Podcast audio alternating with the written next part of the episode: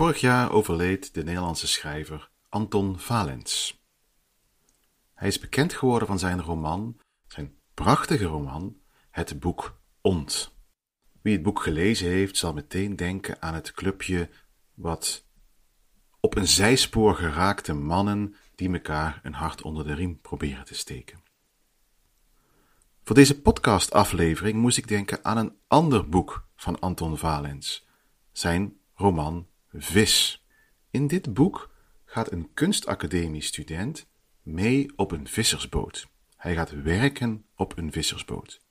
En voordat hij dat gaat doen, heeft hij er allerlei romantische ideeën over, over hoe mooi dat zou zijn om met echt werkvolk iets met je handen te doen. Het loopt nogal anders, het valt ook nogal tegen en het loopt heel erg slecht af in het boek. Desalniettemin een prachtig verhaal. Waarom vertel ik jullie over Anton Valens in deze podcast over statistiek? Dat is een heel terechte vraag en ik ben ook blij dat die gesteld wordt. Er zijn een paar redenen voor. De eerste reden is dat ik wel aandacht wil wekken voor deze niet super beroemde, maar wel zeer getalenteerde schrijver. Ik zou het mooi vinden als iemand naar aanleiding van deze podcast een boek van Anton Valens gaat lezen. Ten tweede wil ik ook graag op jullie wat belezen overkomen. Een beetje imagobeelding van mijn kant. Ten derde heeft het boek Vis heel oppervlakkig wel iets te maken met waar we het vandaag over gaan hebben. Net zoals vissers soms heel specifieke vissen willen vangen, of alles wat maar zwemt willen vangen, zo gaan we vandaag kijken naar twee typen onderzoek. Onderzoek dat een heel specifieke hypothese wil toetsen, of onderzoek wat veel meer verkennend, veel vrijer is, wat zegt: Ik heb het gevoel dat hier iets interessants is, laten we eens kijken hoe dat ongeveer zit. Die twee manieren van onderzoek doen worden exploratief, oftewel verkennend genoemd, of bevestigend en in het Engels confirmatory, confirmatief, met een heel lelijk Nederlands woord.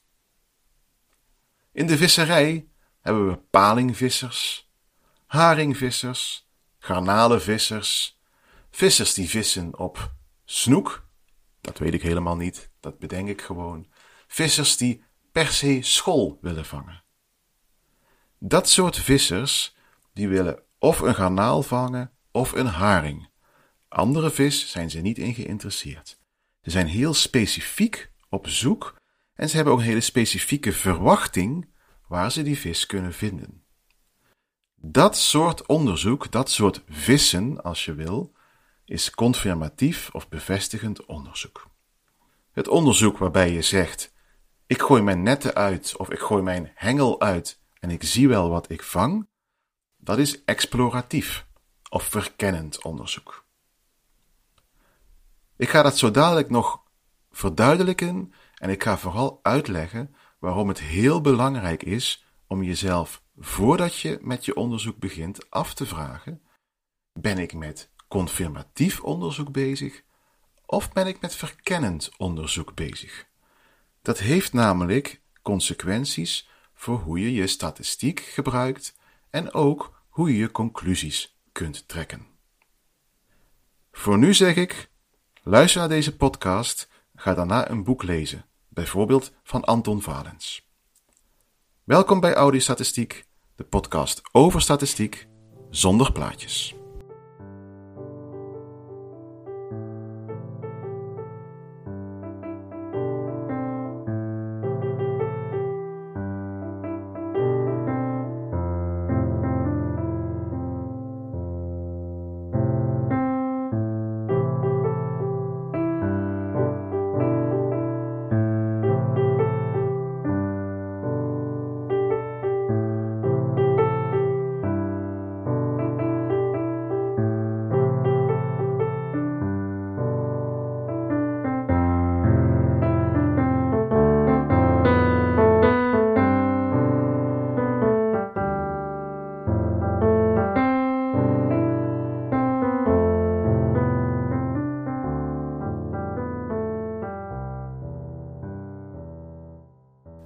Twee soorten onderzoek dus.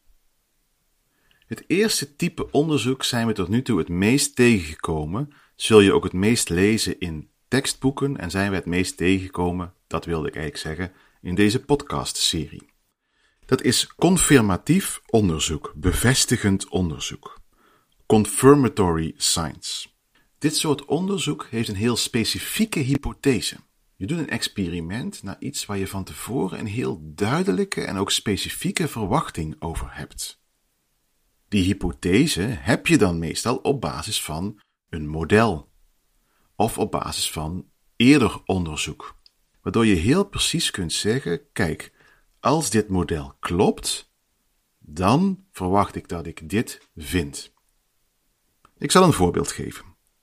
Er zijn theorieën of modellen die voorspellen dat het vroeg leren van een tweede taal goed is voor de cognitieve controle. Cognitieve controle zijn dingen als inhibitie, dat je bijvoorbeeld niet meteen een hele zak chips leeg eet, maar halverwege kunt stoppen. Dat is een voorbeeld van cognitieve controle waar we allemaal wel eens moeite mee hebben. Grappig genoeg zijn er mensen die bedacht hebben dat het leren van een tweede taal wel eens goed zou kunnen zijn voor die cognitieve controle. De redenering hier is dat wie een tweede taal leert ook vaak moet wisselen tussen twee talen. En als je dat al jong leert, dan train je eigenlijk het wisselen tussen twee activiteiten. Maar zul je zeggen, dat is toch heel iets anders dan inhibitie, dan het niet leeg eten van een zak chips. En dat is precies waarom ik dit voorbeeld gegeven heb.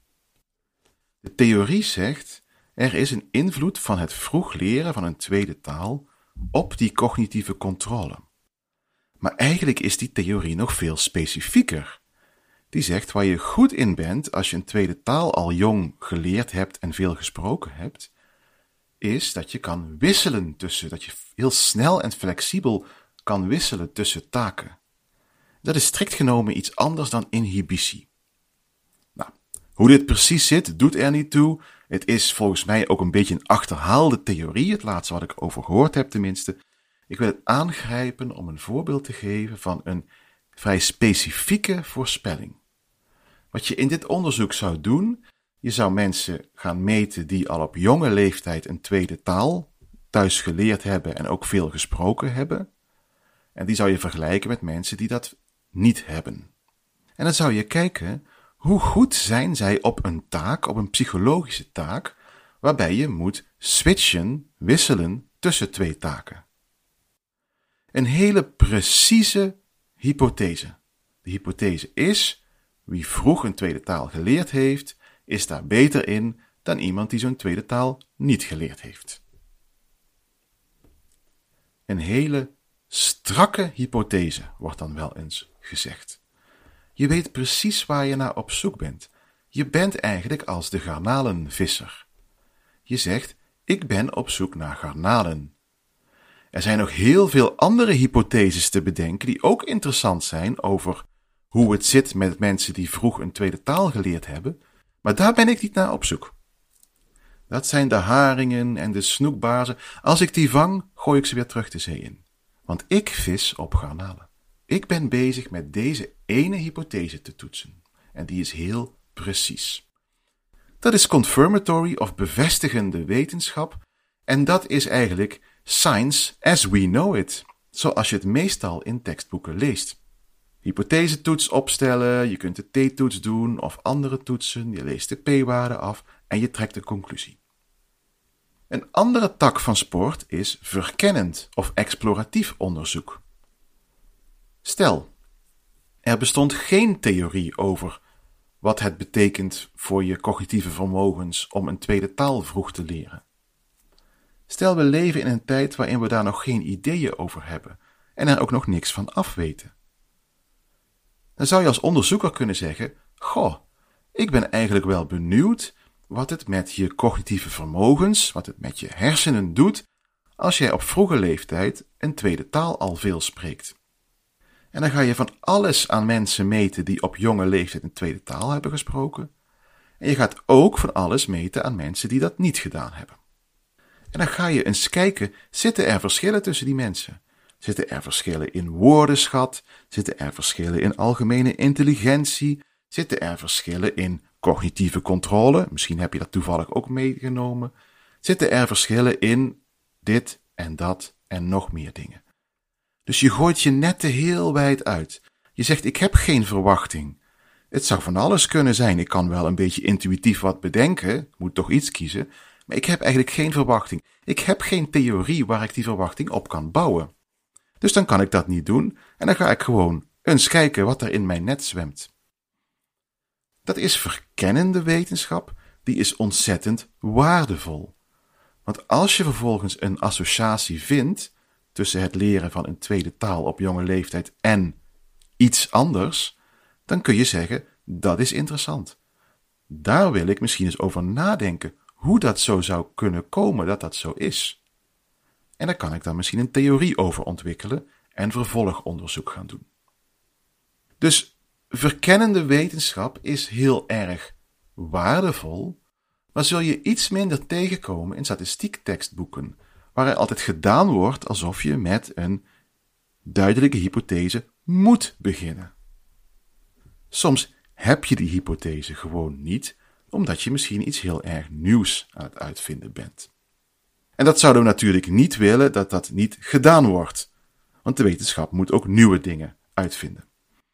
Het is wel zo dat als je exploratief onderzoek gaat doen, dingen als hypothese toetsen en nulhypothese ook wat anders gaan werken. Je hebt immers geen duidelijke hypothese, dus het voelt een beetje gek om een hypothese-toets te gaan doen. Als je geen hypothese hebt. Verkennend onderzoek leidt heel vaak meer tot ook beschrijvende resultaten.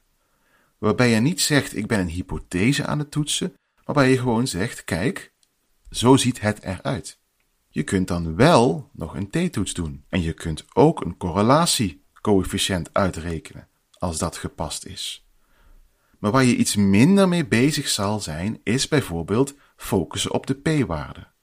Immers, je toetst geen hypothese, strikt genomen, want je had geen hypothese. In de praktijk wordt dat overigens heel vaak wel gedaan. Dan doen mensen wel allerlei hypothese toetsen, terwijl ze eigenlijk geen strakke hypothese hadden. Dat kan.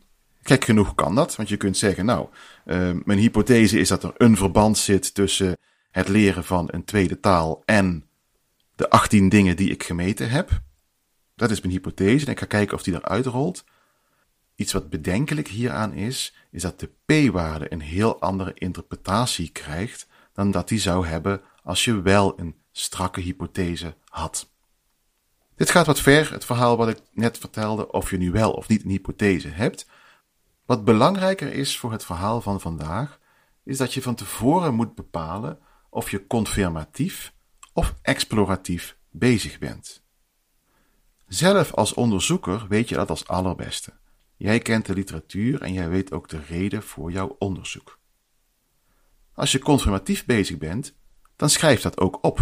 Dan schrijf op: ik heb deze heel specifieke, strakke hypothese en die heb ik daarom en daarom. Als je verkennend bezig bent, schrijf dat dan ook op. Ik heb geen echt strakke hypothese, want die heb ik. Ik heb niks in de literatuur kunnen vinden die me die hypothese aanreikte. Maar ik was toch wel nieuwsgierig, dus daarom heb ik dit onderzocht. Klaar. En dat is prima. Er is het geloof bij sommige wetenschappers dat er iets mis zou zijn met verkennende wetenschap. Dat is helemaal niet het geval. Wat wel belangrijk is, dat je er eerlijk over bent. Er is een fenomeen dat heet harking H-A-R-K-ing, Hypothesis Generation after the results are known. Dat is waar HARK voor staat. Je bedenkt een hypothese nadat je weet wat het resultaat is van je onderzoek. Dat is de situatie waarbij iemand verkennend onderzoek doet, maar het later presenteert alsof het confirmatief onderzoek was. Dus, ik heb gemeten van 18 dingen hoe ze zich verhouden tot het leren van een tweede taal op jonge leeftijd. Eén daarvan vind ik een relatie, iets wat lijkt op, oh, er zou dus een verband kunnen zijn tussen deze twee dingen. En dan schrijf ik mijn onderzoekspaper op. In de introductie zeg ik, dat dacht ik altijd al. Ik had altijd al die hypothese dat het zo zou zitten. Dat is niet goed. Dat is niet eerlijk. Dat is een questionable research practice. Je kunt het ook gewoon fout noemen. Als onderzoekers moeten we altijd eerlijk zijn over wat ons vertrekpunt is. De reden daarvoor is dat statistisch bewijs anders gewogen wordt, al naar gelang je een heel specifieke hypothese had, of dat je dat niet had. Als je een heel specifieke hypothese hebt en je vindt daar ook bewijs voor, dan ben ik heel snel overtuigd. Dan zeg ik, ja, dit, hij, hij of zij had al hele goede redenen om, dit te, om te verwachten dat ze dit zouden vinden, en nu vinden ze het ook nog. Dus als jij het zo opschrijft en je presenteert die associatie, dan zal ik heel erg overtuigd zijn. Als je echter zegt, we waren een beetje verkennend bezig en we zagen wel wat er terugkwam, ja, dan zou ik zeggen, dat is heel interessant, maar laten we nu een tweede onderzoek doen om eens goed uit te zoeken of die associatie ook echt bestaat. Immers, je kunt altijd toevalstreffers hebben. Daar hebben we het in een eerdere aflevering ook al over gehad. Als jij 18 dingen gemeten hebt en gerelateerd hebt aan het leren van een tweede taal op jonge leeftijd, dan kan dat ene ding wat je vindt, dat die associatie heeft, zomaar een toevalstreffer zijn. Maar als jij ons dat niet erbij vertelt, als jij doet alsof je het altijd al verwacht had, dan weten wij dat niet. En dan speel je eigenlijk vals. En sommige mensen doen dat uh, expres en andere mensen doen dat per ongeluk. Maar het is nog steeds questionable. Een soort vals spelen. Iets anders wat, een heel, wat heel erg belangrijk is, is dat als je verkennend onderzoek doet, dat je alles rapporteert wat je gedaan hebt. Dat is overigens ook zo als je confirmatief onderzoek doet, maar bij verkennend onderzoek is dat wat urgenter. Als je namelijk niet vertelt wat je allemaal gemeten hebt, dan weten wij als lezers ook niet hoe sterk je bewijs is. Dat is hetzelfde voorbeeld als wat ik net gaf. Als je 18 associaties hebt proberen te vinden en je vindt er één en je rapporteert alleen maar die ene, dan ziet dat er heel overtuigend uit. Echter, als we weten dat je 18 associaties gezocht hebt en je vindt er één, dan kan dat nog steeds interessant zijn, maar zou het ook heel goed een toevalstreffer kunnen zijn. En dat brengt me alweer bijna bij het einde van deze aflevering. Veel onderzoek gedraagt zich als een soort tweetrapsraket. Of misschien zou ik moeten zeggen, het zou zich moeten gedragen als een tweetrapsraket. Eerst doe je verkennend onderzoek en ga je kijken, oké, ik heb maar een heel vaag idee hoe dit zou kunnen zitten. Verkennend onderzoek geeft mij eens wat hints hoe het zou kunnen zitten. Dat heb je gedaan, dan krijg je die hints en dan zoom je in. Dan zeg je, aha, cognitieve controle zou wel eens samen kunnen hangen met het leren van een vroege taal op jonge leeftijd. Dat wil ik eens wat dieper gaan onderzoeken. En dan doe je een experiment wat confirmatief is. Dus dan bouw je eigenlijk voort op je eerst verkennende onderzoek. Je pikt er iets uit, dan doe je een nieuw experiment waarbij je zegt: Ik heb een hypothese gevormd inmiddels, dat heeft dat verkennende onderzoek mij mee geholpen, en nu wil ik eens preciezer gaan vinden hoe dat zit. Als je dat kan doen, ben je supergoed bezig. Heb je een heel mooi onderzoekslijn te pakken. Verkennend of confirmatief. Het is net als in het echte leven. Soms kiezen we hetzelfde gerecht wat we al kennen en waarvan we weten dat we het eigenlijk altijd wel lekker vinden. Dat is geruststellend. We weten wat we kunnen verwachten en dat heeft zo zijn voordelen. Soms willen we verkennen, willen we exploreren en zeggen we: Ik pak het vijfde gerecht van de kaart. Blind. Zonder te weten wat het is of wat we kunnen verwachten. Het kan heel hard tegenvallen, maar dat kan ook heel erg mooi zijn kan je nieuwe inzichten geven, kan je op nieuwe ervaringen en ideeën brengen. Als onderzoeker is het belangrijk dat we onszelf realiseren in welke fase we zitten, verkennend of confirmatief, en dat we daar heel erg open en eerlijk over zijn. Wie hier in de praktijk mee aan de slag gaat, zal merken dat soms het onderscheid verkennend confirmatief niet zo duidelijk is als ik het tot nu toe gepresenteerd heb. Schrijf dat dan ook op en kies daarin een middenweg. In de wetenschap is het belangrijk om zo transparant en ook eerlijk mogelijk te zijn. In het begin van deze aflevering zei ik dat het meest besproken onderzoek confirmatief is, maar zelf heb ik een zwak voor het exploratieve werk. Net zoals de kunstacademie-student in het boek van Anton Valens. Hij had thuis kunnen blijven, met zijn kunst. Misschien had hij een kantoorbaan kunnen zoeken, zoals ik zelf gedaan heb. Confirmatief. Daarmee had hij geweten waar hij aan toe was. Hij koos voor het verkennende, voor het explorerende. In het boek loopt het hartstikke slecht af, en dat is jammer, maar hij maakte wel het avontuur mee. Hij ging wel op plekken waar hij anders niet gekomen zou zijn. Ook wij kunnen van achter onze laptop of bureaustoel onder het systeemplafond met uitzicht over pleinen van betontegels en verlepte bloemenbakken. Ook wij kunnen exploreren in onze wetenschap. Als je de kans hebt, ik zou ervoor gaan. Bedankt voor het luisteren naar deze aflevering van Audiostatistiek. Ik wens jullie nog een fijne dag en ik zie jullie heel graag volgende keer terug.